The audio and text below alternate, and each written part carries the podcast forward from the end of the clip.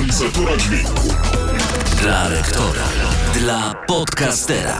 Dobry poziom dźwięku podcast.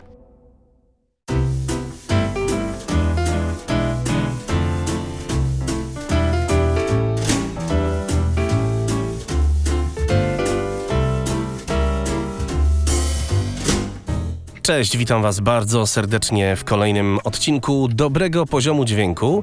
Z tej strony Darek.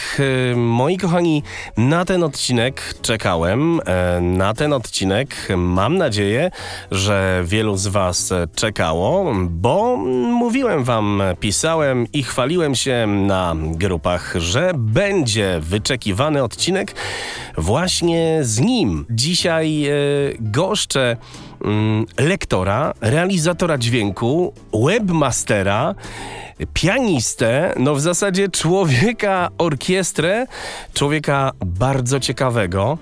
E, Jestem bardzo ciekaw, ile czasu zajmie nam ta rozmowa i jeszcze jestem tego ciekaw, ile odcinków mm, tego podcastu będzie. Czy to będzie jeden odcinek, czy będzie więcej? Bo już zdarzyło mi się tak, że dzieliłem te e, moje odcinki na mm, kilka, podcasty na kilka odcinków. Dzisiaj goszczę Krzyśka Buratyńskiego. Krzysiek Buratyński, Polska w dobrym poziomie dźwięku. Cześć Krzysiek!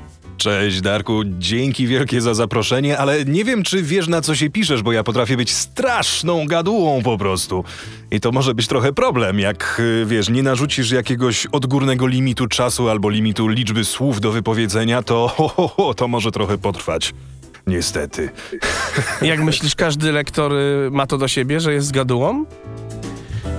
Wiesz co? Myślę, że różnie bywa, natomiast y, myślę, że jeśli jest nam y, dobrze z tematyką albo na przykład właśnie z y, interlokutorem, z którym mamy możliwość rozmawiać, to tak, większość lektorów jako miłośników tak naprawdę słowa mówionego chyba ma to do siebie, że lubi sobie po prostu pogadać, poopowiadać, y, właśnie mm, no, w pewien sposób podtrzymywać powiedzmy rozmowę na jakikolwiek ciekawy temat.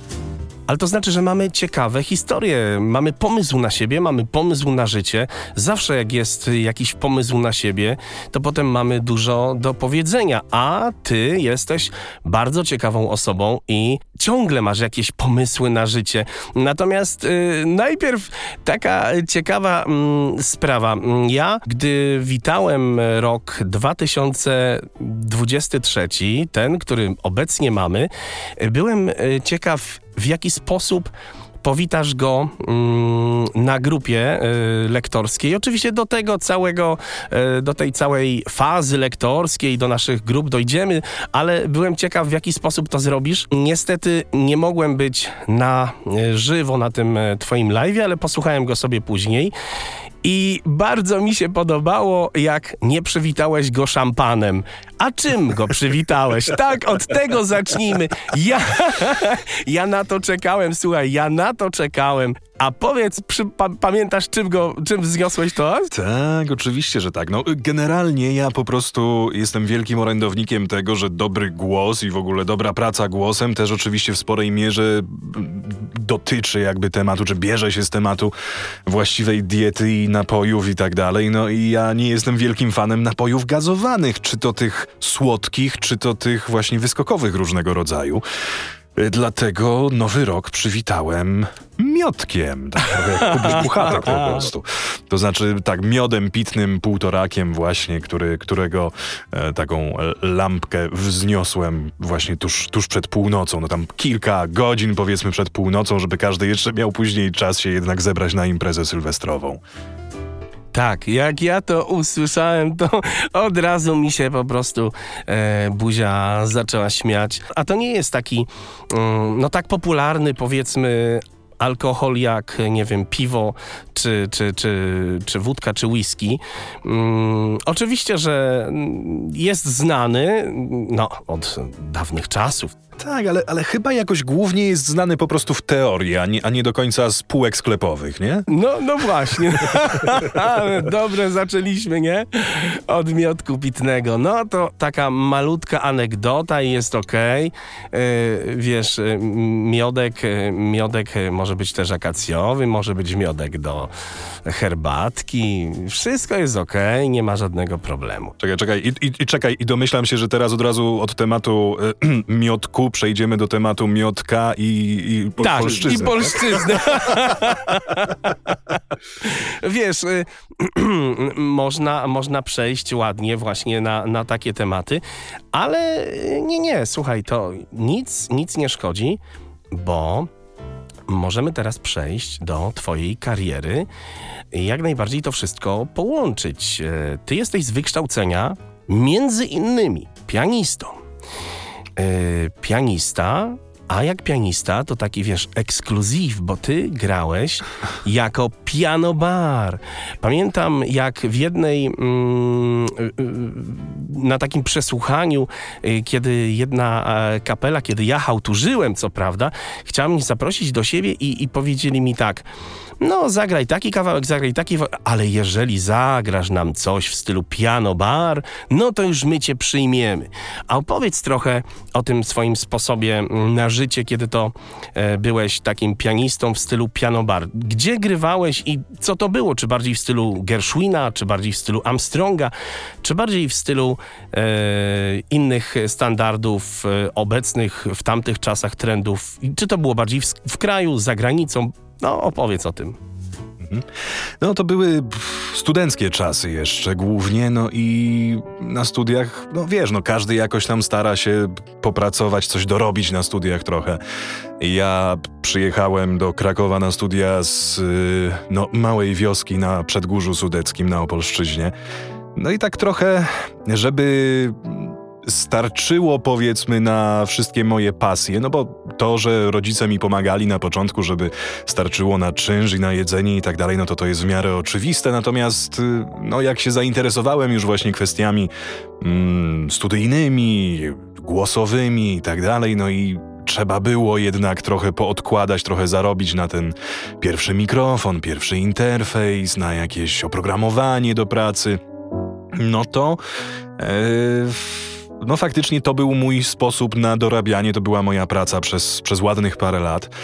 I no szczerze różne rzeczy grywałem, bo grywałem zarówno tutaj w Krakowie, no nawet teraz po latach jak y, idę czasem na spacer gdzieś przez Stare Miasto, przez Kazimierz, no to praktycznie w co drugiej bramie grałem, bo w prawie każdej restauracji, kawiarni, jakimś klubie i tak dalej, no wszędzie gdzieś się pojawiłem. Czasem tylko raz na jakiś koncert, czasem regularnie, no bo były takie na przykład na Kazimierzu restauracje, gdzie na przykład grywałem przez całe lato, dzień w dzień, bo tak chcieli, chcieli, żeby był po prostu taki piano bar w ogródku.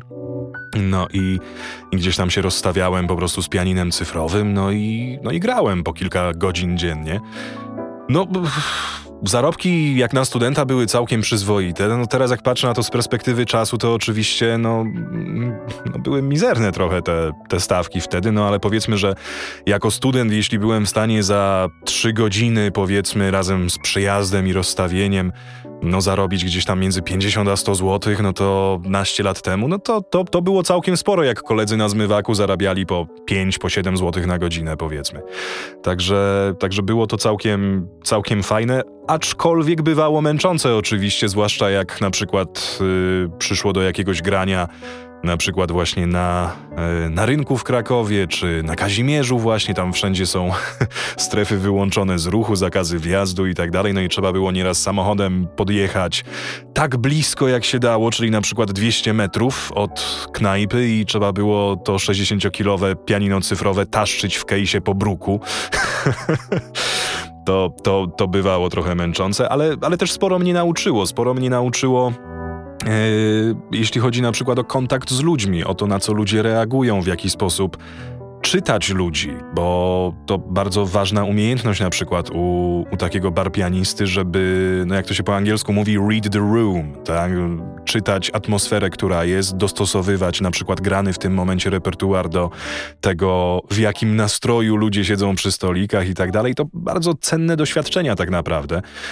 Plus do tego mnóstwo ciekawych kontaktów, mnóstwo ciekawych postaci. Później też, y, no, jak to bywa w takich historiach, różni ludzie mnie zauważali w takich miejscach, więc na przykład zdarzały się jakieś właśnie kontrakty dzięki temu, że w Krakowie ktoś akurat był na urlopie, a okazuje się, że jest jakimś producentem czy agentem eventowym i tak dalej, więc zaczął mnie na przykład ściągać gdzieś do jakichś e, hoteli, na jakieś zamknięte imprezy, czy w ogóle czasami na, na jakieś serie szkoleń na przykład, gdzie jeździłem nieraz po kilka tygodni praktycznie w trasie od hotelu do hotelu, grając praktycznie co wieczór, zarabiając całkiem przyzwoicie na tym, no i no i rozwijając te swoje umiejętności właśnie zarówno wokalne, jak i, jak i właśnie fortepianowe, powiedzmy tych, których nie uczyli na Akademii Muzycznej, umówmy się. I to było całkiem fajne doświadczenie. A jeśli chodzi o repertuar, no to tak naprawdę yy, głównie repertuar piano plus wokal, no bo też śpiewałem, oczywiście występowałem, więc to, był, to była moja przewaga w pewien sposób nad większością takich typowych barpianistów, którzy po prostu właśnie grają jakiegoś Gershwina, grają jakieś standardy jazzowe instrumentalnie. To też oczywiście ma swoje miejsce, też są y, lokale, w których w taki sposób grywałem, ale najczęściej takim moim znakiem rozpoznawczym było to, że, że faktycznie robiłem taki, taki show wokalno-fortepianowy, czasem nawet jeśli była potrzeba, to też brałem ze sobą jakąś gitarę czy looper, inne rzeczy. No ale generalnie to była muzyka na, na żywo, właśnie e, wokalno-instrumentalna, raczej evergreeny, trochę właśnie standardy jazzowe, Sinatra i tak dalej, ale też trochę więcej yy, współczesnych rzeczy się pojawiało, przez Beatlesów, przez Lionela Richiego, aż po współczesną muzykę. Także co było akurat potrzebne, w zależności od tego, kto właśnie siedział na przykład na sali, no to tak się, tak się to wszystko rozwijało. A mniej więcej które to były lata? Po 2009, 12, 13, gdzieś tam tamte okolice. Także mniej więcej tak. No, na tyle dawno, że jak teraz przechodzę przez centrum Krakowa, to większości tych knajp, w których grałem, już dawno nie ma. bo tak, no bo przeciętna, przeciętne życie oczywiście lokalu w centrum Krakowa to jest tak w granicach, no, trzech do pięciu lat powiedzmy, nie?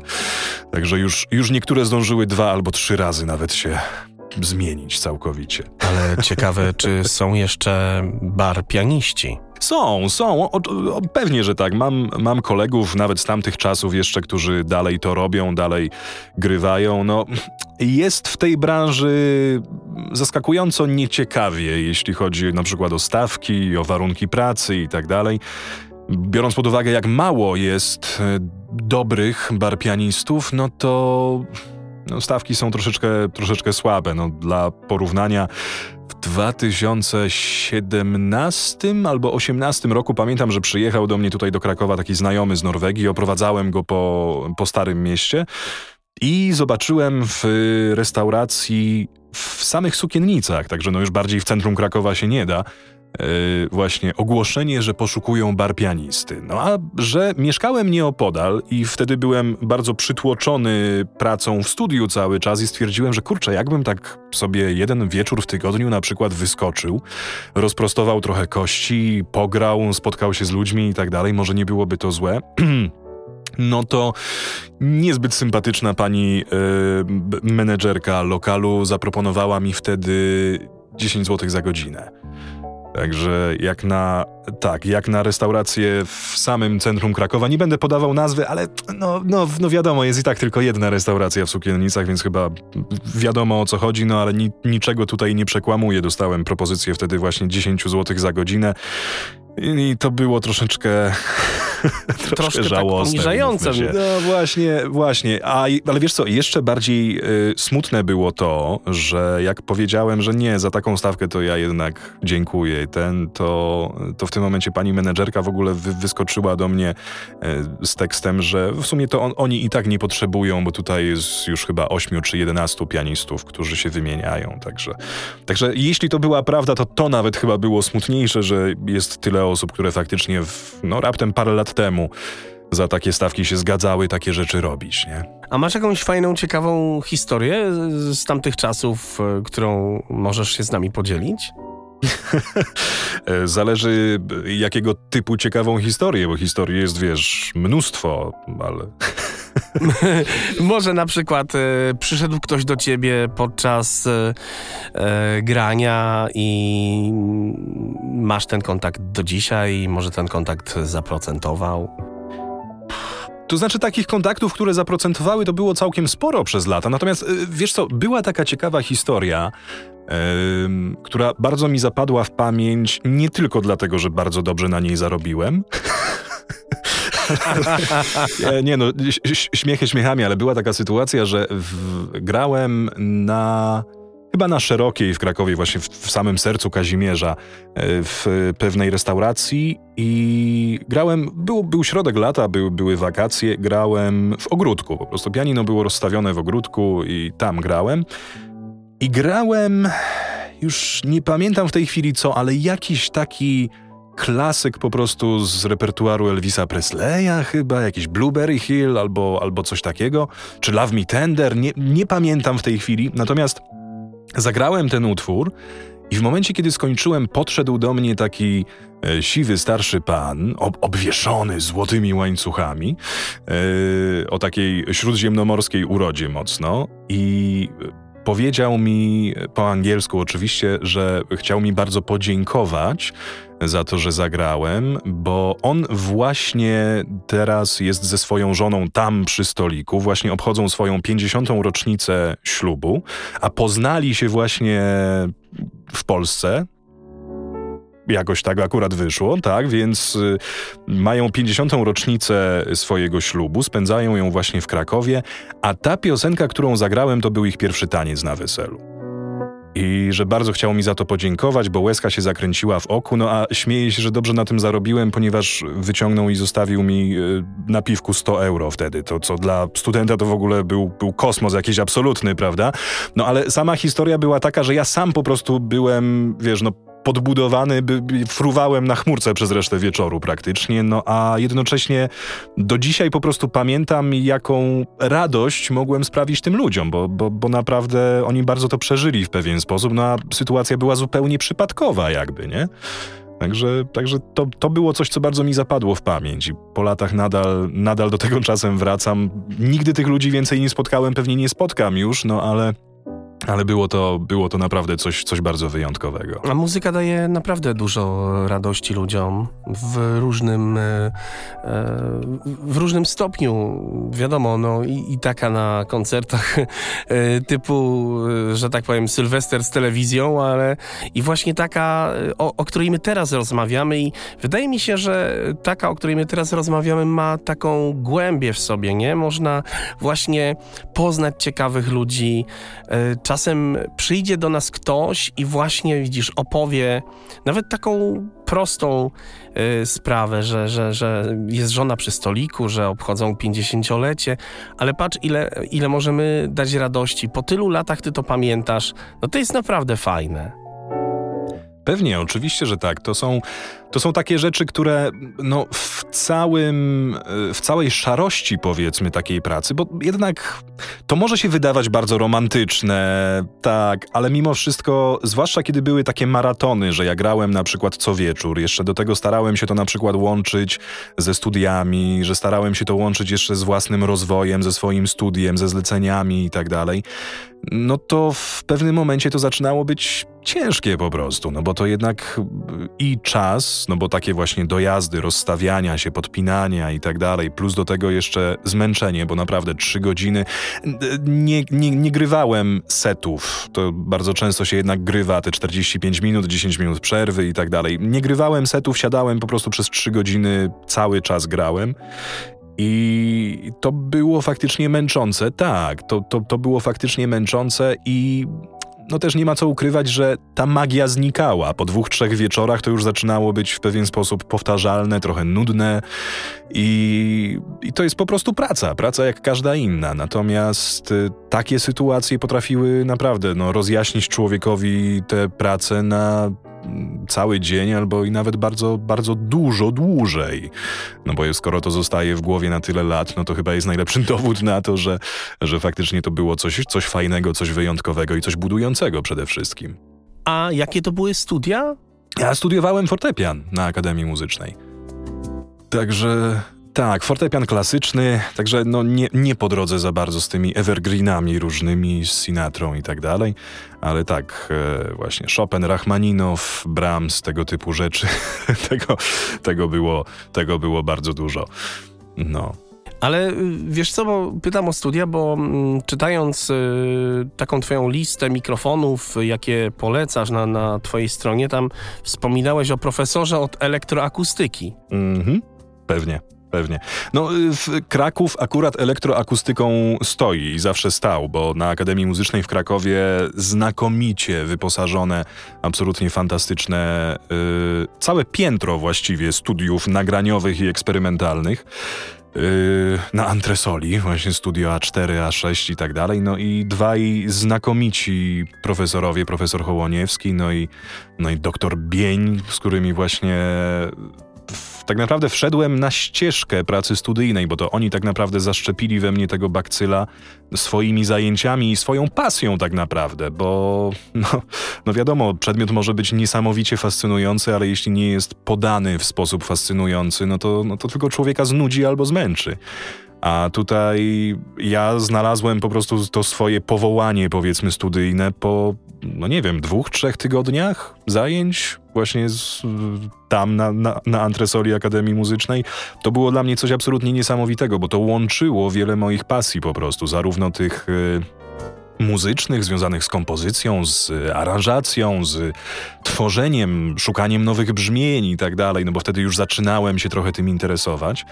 No i jednocześnie z e, matematyką, elektroniką, różnymi właśnie dziwnymi eksperymentami i tak dalej. To, to było coś niesamowitego, to był całkowicie nowy świat dla mnie.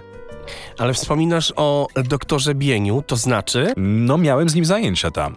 On prowadził zajęcia z y, kompozycji, aranżacji, produkcji muzyki cyfrowej. Dokładnie kto? Mm, Mateusz Bień.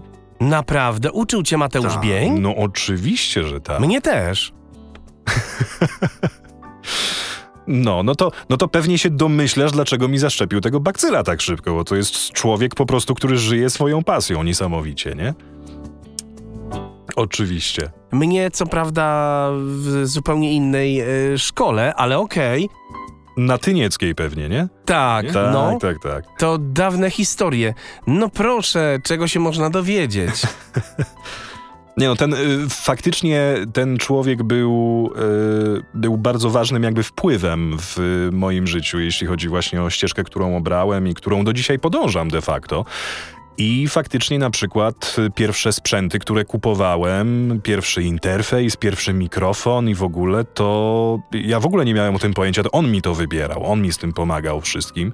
I faktycznie pomimo tego, że trochę po godzinach i że trochę go męczyłem i wisiałem mu cały czas dyszałem w kark, kiedy tylko miałem wolne 15 minut gdzieś, to, to niesamowicie mi zawsze pomagał i, i faktycznie no, poczuł chyba to, że, że to jest coś, co, co sprawia mi frajdę i że ja mogę w tym faktycznie zostać na dłużej, a nie tylko jest to chwilowa jakaś fascynacja, nie? No to trafiłeś na doskonały czas, bo ja niestety trafiłem e, na chyba najgorszy czas, na jaki można było trafić w realizacji dźwięku, e, przynajmniej dla osoby niewidomej, bo ja trafiłem na czas 98 e, 2000 powiedzmy dwa, cztery, czyli czas, kiedy przechodziliśmy tak naprawdę z analogu i wkraczaliśmy w cyfrę. E, I tak, tak już na dobre. Mm, czyli na przykład dla ciebie może to nie był, e, jakby nie była mm, żadna różnica, a dla osoby niewidomej, no to wchodził e, Pro Tools w zasadzie już w każde studio, ale wchodził dopiero tak naprawdę. To nie był standard w naszym kraju. Jak studio miało Pro Toolsa, no to było dobre studio. To, to nie było tak, że wchodziłeś do każdego studia w 98 roku i każde studio miało Pro Toolsa. No a na Tynieckiej już miało, ale to było super, tak? No a, a niestety komputery na przykład e, dopiero uczyły się mówić, tak, tak naprawdę, tak? Te czytniki ekranu y, były coraz bardziej popularne.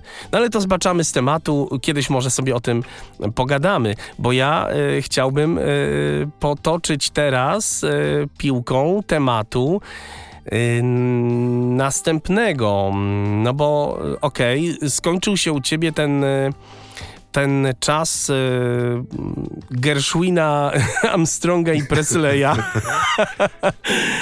Przyszedł y, czas właśnie realizacji dźwięku, ale był też bardzo ciekawy czas teatru. Tak, tak, jak najbardziej i to właściwie też było ze sobą połączone wszystko. Właśnie. E, to było połączone, ja w ogóle, kiedy wchodziłem jakby w świat realizacji dźwięku i produkcji muzycznej, e, kompozycji, aranżacji, to wchodziłem właśnie z myślą, że będę na stałe już właśnie kompozytorem, aranżerem filmowym i teatralnym. Zresztą taka ciekawostka, żeby było zabawniej, e, chwilę po, e, po skończeniu studiów pojawił się pierwszy FMF, Festiwal Muzyki Filmowej, tutaj w Krakowie, i był z potężnym rozmachem organizowany, do tego stopnia, że istniejące jeszcze wtedy i działające Alvernia Studios y, stało się takim y, poligonem jakby doświadczalnym, gdzie E, dziesięcioro chyba, albo piętnaścioro, już nie pamiętam, ale jakaś bardzo mała, taka elitarna grupka młodych kompozytorów z całego świata mogła pracować z kompozytorami, którzy zostali zaproszeni z Hollywood, w ogóle Oscarowe nazwiska. I to był taki tydzień warsztatów w ramach Festiwalu Muzyki Filmowej, e, gdzie wszystko było właśnie przez organizatorów załatwione, zorganizowane, opłacone. I no w ogóle ciężko się tam było dostać, bo tam się zgłosiły setki osób z całego świata, żeby do tej dziesiątki czy tam piętnastki właśnie się załapać, bo to były takie bardzo intensywne właśnie tygodniowe warsztaty w, w, w. No i tak się złożyło, wyobraź sobie, że spośród, nie wiem, czworga czy pięciorga polskich kompozytorów y, ja się tam załapałem i właśnie y, Bień się tam załapał. I w ogóle się spotkaliśmy po prostu tam przez tydzień i mogliśmy pracować. Dla mnie to było coś niesamowitego, absolutnie. On się niesamowicie cieszył, że ja idę dalej tą drogą i że ja się rozwijam w tym kierunku. Mm, I że już y, nawet byłem w stanie się dostać w ogóle do takiego programu, no bo trzeba było się oczywiście wykazać jakimś portfolio i tak dalej, pokazać, że się jest faktycznie tym kompozytorem i że się już ma coś na koncie. On się niesamowicie cieszył, no a dla mnie to było, posłuchaj, tak nobilitujące po prostu, żeby z własnym mistrzem po prostu być w jednej grupie. To, to było coś niesamowitego. No a przy tym też właśnie no, pracowaliśmy z hollywoodzkimi kompozytorami w tych najlepszych praktycznie w Europie studiach nagraniowych i w ogóle z orkiestrą mieliśmy okazję pracować i aranżować, dyrygować i w ogóle no cuda niesamowite. No i to było coś, co bardzo, bardzo mnie rozwinęło i zakochałem się w ogóle w teatrze, w filmie, właśnie w produkcji muzycznej, w kompozycji w ogóle muzyki tego typu. I, I tak naprawdę pierwsze zlecenia, które robiłem, jeszcze zanim zostałem lektorem, pierwsze zlecenia, które robiłem w studiu, to były zlecenia związane z kompozycją i produkcją muzyki. Dosłownie pierwsze zlecenie, ja do dzisiaj pamiętam, pierwsze zlecenie, które zrobiłem w pierwszych miesiącach po tym praktycznie, jak e, kupiłem pierwszy sprzęt i tak dalej, Pierwsze zlecenie, jakie kiedykolwiek komercyjnie zrealizowałem, polegało na tym, żeby y, stworzyć nagrania muzyki klasycznej do jakiegoś audiobooka dla dzieci. To generalnie były takie po prostu znane utwory, typu tam Lot Trzmiela, czy jakieś tam, jakiś tam walc Chopina i tak dalej, tylko po prostu trzeba było to nagrać, żeby oczywiście nie było to obciążone prawami autorskimi i tak dalej. No i to było pierwsze zlecenie, jakie kiedykolwiek komercyjnie po prostu zrobiłem dźwiękowo. No i to było mi bardzo bliskie. To, to, to była moja ścieżka tak naprawdę zanim jeszcze zostałem lektorem. No i to się przeniosło bardzo szybko właśnie i na świat filmu, i przede wszystkim na teatr, no bo teatr, zwłaszcza teatr muzyczny, musicalowy, no na ładnych parę lat pochłonął mnie całkowicie. A ja myślałem, że ty pracowałeś w teatrze jako realizator dźwięku.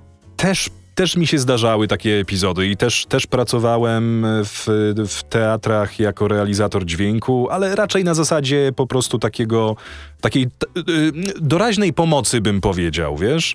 Takiej doraźnej pomocy, że po prostu koledzy realizatorzy na przykład z Teatru Groteska dzwonili i mówili, no słuchaj, mamy imprezę, te, telewizja transmituje, coś tam potrzebujemy, po prostu dodatkowej pary rąk, bo będzie dodatkowy mikser na przykład na ucho na scenie, albo nie wiem, trzeba będzie kogoś bo czasem też nawet załatwiałem po prostu dodatkowe osoby, które na przykład, nie wiem, podpinały mikroporty i inne tego typu rzeczy robiły. Także, także tak, zdarzało mi się pracować przy realizacji dźwięku w teatrze, ale mimo wszystko e, teatr mnie pochłonął głównie jako właśnie kompozytora, jako, jako aranżera i, no i faktycznie mam na koncie parę wystawionych musicali autorskich, parę, parę nagród też na jakichś festiwalach z tym związanych za, za właśnie kompozycje muzyczne. I to było coś naprawdę fantastycznego. Ja to uwielbiałem i do dzisiaj bardzo za tym tęsknię, tylko no.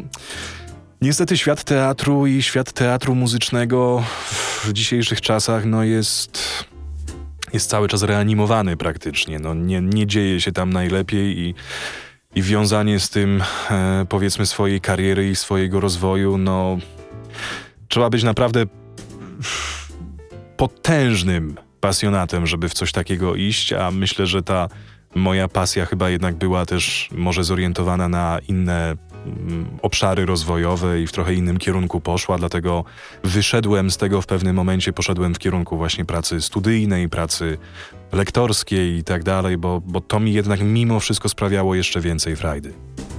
A czym się różni e, praca realizatora w teatrze od e, pracy e, takiego realizatora, którym jesteś i ty i ja mm, w praktyce? No, y, pierwsza sprawa, y, w studiu jest dużo mniej kłótni z ludźmi.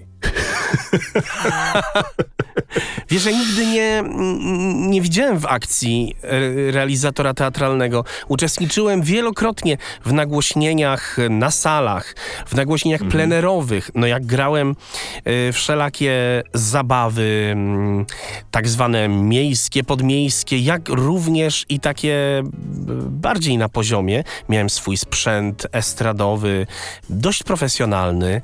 E, no to okej, okay, no to wiem, e, jak to wygląda. Natomiast w teatrze nie, nie zdarzało mi się y, uczestniczyć. Y, nawet nigdy nie byłem chyba w takiej reżyserce w teatrze u realizatora. Byłem w garderobie, ale nigdy nie u realizatora. To ja tam, ja tam nie wnikam, co w tej garderobie robiłeś.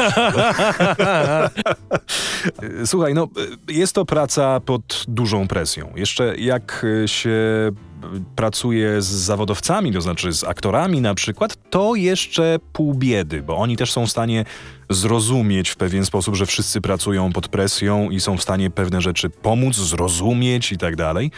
Yy, natomiast jest to praca pod dużą presją czasową, pod dużą presją też zewsząd, bo wszyscy ciągle czegoś chcą i wszyscy są ciągle w niedoczasie i na próbie, i na spektaklu. I do tego wszystkiego, no, e, współcześnie teatr, no, bardzo się rozwinął. To już nie jest tylko kwestia nagłośnienia, tylko to wszystko ze sobą współpracuje, prawda? Są i prezentacje, i jakieś wizualizacje, i nieraz w ogóle są całe panoramiczne, nawet trójwymiarowe scenografie robione projektorami i tak dalej. I to wszystko jest ze sobą spięte. Jest tyle osób zaangażowanych tak naprawdę w proces wystawienia czegoś takiego, że, że to jest niesamowite absolutnie. I, I to też powoduje, że faktycznie presja na każdej z osób jest większa, bo jeśli jeden element tego całego procesu, jeśli jedno ogniwo tak naprawdę zawiedzie, no to wszystko się sypie. I to jest, to jest od razu niestety widoczne dla każdego, prawda? I niestety, jeśli zawali coś ktoś na dole, to ten na górze w reżyserce nic nie jest w stanie z tym zrobić. To jest najgorsze, prawda?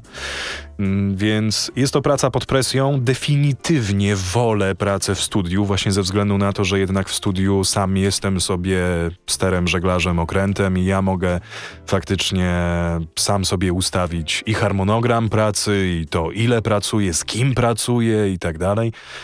I nie zamieniłbym tego na pracę w teatrze. Chociaż muszę przyznać, że znam ludzi, którzy właśnie bardzo nudzą się w studiu, a w teatrze dopiero no, dostają skrzydeł.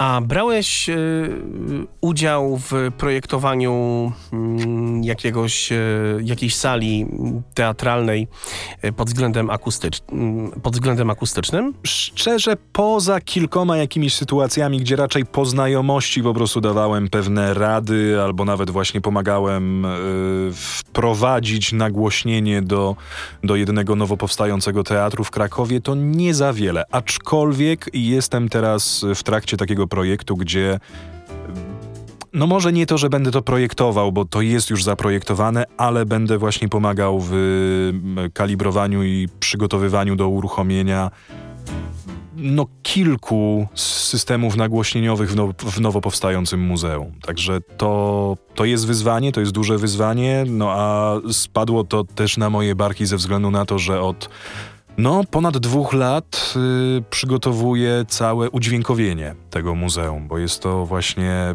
bardzo multimedialny obiekt, w którym y, i rozszerzona rzeczywistość, i wiary, i różne inne tego typu rzeczy, no i właśnie bardzo rozbudowane, dookulne systemy nagłośnieniowe. Nie chcę tutaj y, oczywiście szastać sformułowaniami Atmos, bo to nie są Atmosy, no ale mimo wszystko jakieś właśnie wielokanałowe systemy, które które będą wymagały właśnie odpowiedniego jeszcze strojenia, przygotowania, no i też e, we współpracy właśnie z projektantami tego obiektu e, przygotowujemy to już dwa lata do, do uruchomienia, do premiery, no i zbliża się to, zbliża się to już niebawem, nawet chyba w przyszłym tygodniu będziemy jechać na lokację, żeby już dopinać ostatnie rzeczy i sprawdzać, czy wszystko gra dokładnie tak, jak powinno grać.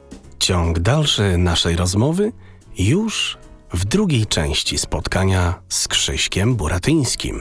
Zapraszam. To był podcast Dobry Poziom Dźwięku. Dołącz do grupy na Facebooku Dobry Poziom Dźwięku Podcast. podcast, podcast, podcast, podcast.